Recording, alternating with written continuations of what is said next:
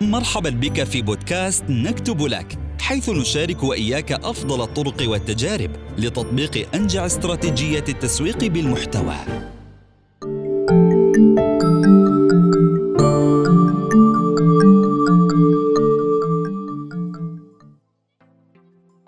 مرحبا. أهلا فيكم مستمعينا في حلقة جديدة من برنامج دردشة تسويقية عبر بودكاست نكتب لك. كتير منا بيعرف اتشريفس أداة تحليل المواقع الإلكترونية من حيث السيو وتحديد وتحليل أقوى الكلمات المفتاحية وتحليل المنافسين وتقديم تقارير وافية عنهم وغيرها من المميزات. الشركة حققت في السنوات الأخيرة نمو استثنائي وهيمنة كبيرة على صناعة أدوات تهيئة المواقع لمحركات البحث SEO بلغت أرباحها عام 2020 أكثر من 55 مليون دولار بجهود ذاتية اعتمادا على التسويق بالمحتوى بشكل رئيسي من دون أي دعم أو منحة تمويلية خارجية. فكيف حققت اتشريفس كل هاي الأرباح المليونية من خلال التسويق بالمحتوى؟ ضيفنا عباس صحراوي مسؤول استراتيجيات التسويق بالمحتوى في وكالة نكتب لك للتسويق بالمحتوى. رح يجاوبنا عن هذا السؤال ضمن عدة حلقات عبر بودكاست نكتب لك. مرحبا عباس. أهلا وسهلا بك أخوي محمد الله يسعدك يا رب. آه، وأنا كذلك أيضا متحمس جدا لحلقة إتشرفس لأنها فعليا واحدة من الشركات اللي أنا بحبها جدا وبحترم شغلها في التسويق والمحتوى السيو. وإن شاء الله تكون حلقة ثريه ودسمة بإذن الله تعالى.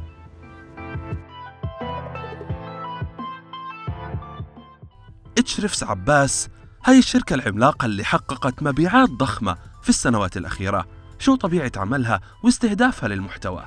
آه، بالنسبة ل Ahrefs Ahrefs هي أداة لتحليل المحتوى ال SEO فهم عندهم حزمة من الأدوات مثل آه، أداة العثور على كلمات مفتاحية أداة تحليل المنافسين آه، أداة فحص صحة الموقع وحتى أدوات تخص أيضا جزئية البنية التحتية للموقع من ناحية تقنية هل بنيته التقنية جيدة أو لا كذلك حالة الموقع الصحية هل فعليا الموقع الرابط اللي بتجي جيدة كذلك تهيئته.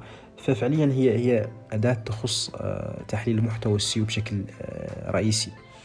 وبتوفر باقات يعني هي عبارة عن ساس ساس تول بتوفر اشتراكات شهرية وسنوية للأفراد والشركات عشان يستفيدوا من آه، الحزمة القوية والدسمة اللي توفرها Ahrefs من ناحية تحليل المحتوى وال SEO جميل جدا. بالتأكيد أنه Ahrefs استخدمت عدة استراتيجيات لتحقيق هاي الأرباح ومنها استراتيجية تأثير سولو. شو هاي الاستراتيجية عباس؟ آه، بخصوص تأثير سولو فهو نسبة لل... نسبة إلى مدير التسويق في Ahrefs آه، تيم سولو. وهذا المصطلح بشكل رئيسي يعني هو يعني إنه لم يكن منتجك قويا ومفيدا وذا قيمة بالشكل الذي يستحق التسويق لأجله. فلا داعي لإرهاق نفسك بحملات تسويقية مرهقة فالنتيجة واحدة الفشل. فالفكرة باختصار شديد هي انك قبل حتى ما تبدأ في التسويق هي تتأكد فعليا انه المنتج اللي أنت راح تسويه تسوقه عفوا منتج قوي وبيقدم قيمة حقيقية آه، فهذا تقدر تعرفه من خلال عمل آه، تجارب صغيرة مثلا تحاول أنك تبيع المنتج بشكل ضيق أو آه، تعرضه على ناس قليلين وتشوف تفاعلهم معه هل فعليا هم مهتمين؟ هل فعليا هو بيقدم حل لمنتجة مع... لمشكلة حقيقية موجودة؟ فبشكل عام تتأكد فعليا إنه المنتج اللي عندك أو المنتج اللي أنت ناوي تسوقه منتج حقيقي وبيقدم حل حقيقي عشان التسويق يتكامل معه ويساعده ينتشر أكثر. فالتسويق يعني صعب جدا. يعني كما نعرف جميعا صعب جدا إن التسويق ينقذ منتج فقير جدا. فالتسويق يتكامل ويتضاعف مع منتج قوي وبيقدم قيمة حقيقية. فهذا هو المقصد من من استراتيجية آه، تأثير سولو. رائع. وكانت الاستراتيجية الثانية هي استراتيجية التحويل أو ما يسمى الأولوية للتحويل. كيف استخدمتها اتشريفس برأيك؟ آه، حرفيا الاستراتيجية هذه تبع التحويل هي استراتيجية تحسب آه، لأنه لو نظرت سواء كانت لمتاجر إلكترونية أو حتى لشركات تقنية أو وكالات بغض النظر عن نوع ال business. دائما راح تجد إنه الكل يعطي أولوية لموضوع معين بناء على حجم البحث الشهري. فهذه هي المنهجية دائما عند معظم الشركات. يختارون الموضوع بناء على عدد مرات البحث الشهري على على هذه الكلمة المفتاحية. بس نجد إنه إنه Ahrefs الوضع عندهم شوي مختلف. Ahrefs ما ما بتركز بشكل كبير على عمليات البحث الشهري أو عدد مرات البحث الشهري عن موضوع معين. لا اتشرفس في عندها شوي منهجية مختلفة بيمر بها كل موضوع أو كل كلمة مفتاحية.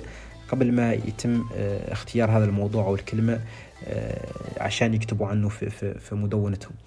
فاتشرفس أو أول حاجة تعملها لما مثلا تلاقي موضوع أو, أو كلمة مفتاحية حابة تكتب عنها بتحاول تفحصها من ناحية القيمة الكامنة لل business وراء هذا الموضوع.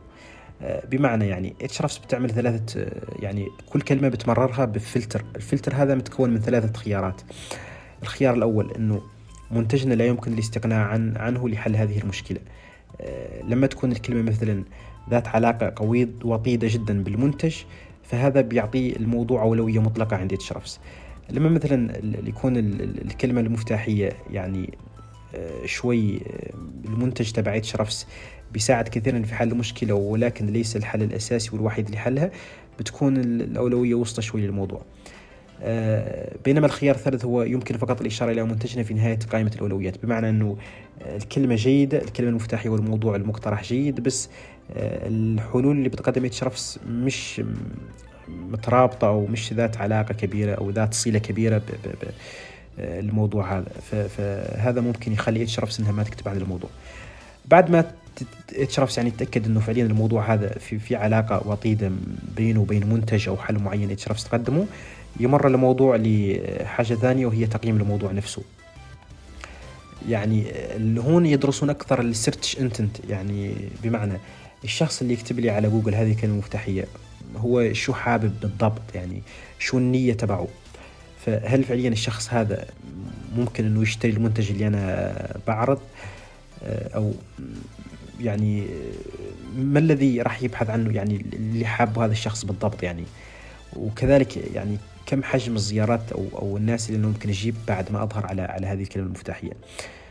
فهذه تقريبا هي أبرز أبرز الأمور اللي Ahrefs بتركز عليها يعني. فبالمختصر المفيد إنه على الرغم من إن حجم البحث الشهري والصعوبة يعني كلها تظل مؤشرات جيدة لترتيب الأولويات في اختيار موضوع آخر الا ان استخدام إطار العمل الخاص ب Ahrefs بيساعدك ويفتح لك أفاق أكبر لأن إطار عمل تبعهم بيمر بمسألتين المسألة الأولى يعني هي ال business value أو القيمة البزنس من الموضوع نفسه المسألة الثانية هي فهم الإنتنت تبع الباحث فتكون عارف الناس اللي راح تجيك هل هي فعليا مهتمة بالموضوع تب عفوا بالمنتجات تبعك أو لا وكذلك الكلمات هذه اللي أنت ناوي تستهدفها هل هي فعليا راح تساعدك أنك تضاعف إيراداتك أو لا؟ فهذه واحدة من الأمور المهمة جدا واللي أنا أشوف أنه ممكن أي حدا يستفيد منها يعني أي حدا يستخدم تسويق المحتوى أو ال SEO يقدر يستفيد منها ويتعلمها من Ahrefs المدهش عباس أنه Ahrefs استفادت من موظفيها وكتاب المحتوى المستقلين في دعم وتنمية منتجاتها وبالتالي تحقيق أرباح هائلة جدا. نعم.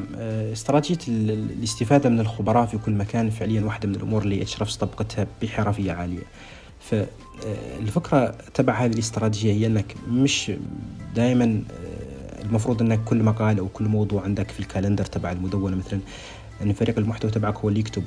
فممكن يكون في نوع من التعاون بين فريق المحتوى وخبير أو خبراء معينين في المجال. فاللي بتعمله Ahrefs مثلا إنها بتحاول تبحث عن خبراء مثلا يعني في موضوع كالروابط الخلفية أو العثور على كلمات مفتاحية أو بناء مواقع أو بناء استراتيجية SEO وتحاول إنها توفر لهم عروض مغرية عشان يكتبون مقالات على المدونة تبعهم.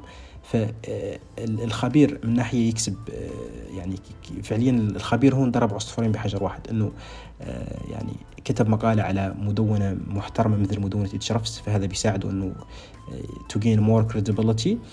والمسألة الثانية إنه فعليا يعني حصل على على عرض ممكن يكون هذا العرض اشتراك مجاني في Ahrefs ممكن يكون رابط خلفي إلى غير ذلك.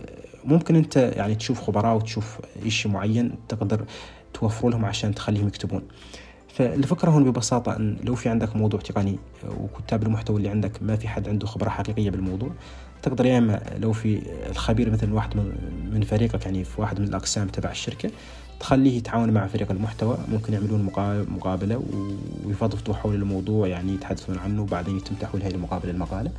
أو ممكن تشوف طرف آه، خارجي مش في الشركة شوي معروف إنه خبير في المجال وتحاول بطريقة أو بأخرى إنك تغريه عشان هو يتعاون مع فريق المحتوى ويطلعون مقالة دسم يعني فالفكرة هنا إنك بشكل عام عشان فعليا تكون المحتوى تبعك متميز ومختلف لازم يكون فيه لمسة تبع يعني اختلاف يعني واللمسة هذه تكون فقط إنه يكون المحتوى مكتوب من طرف خبير مارس الصنعة هذه لسنوات. فهو فعليا عارف خباياها وعارف كل شيء عنها فلما هو يكتب شيء أكيد راح يطلع بشيء يعني راح تطلع مادة دسمة. فهذه هي الفكرة باختصار إنك تحاول تتعاون مع خبراء آه، عشان المحتوى تبع آه، موقعك يكون دائما دسم ومختلف. شكرا جزيلا عباس لمشاركتك معنا في هذه الحلقة والجزء الأول من مجموعة حلقاتنا عن استراتيجيات اتشريفس في التسويق بالمحتوى.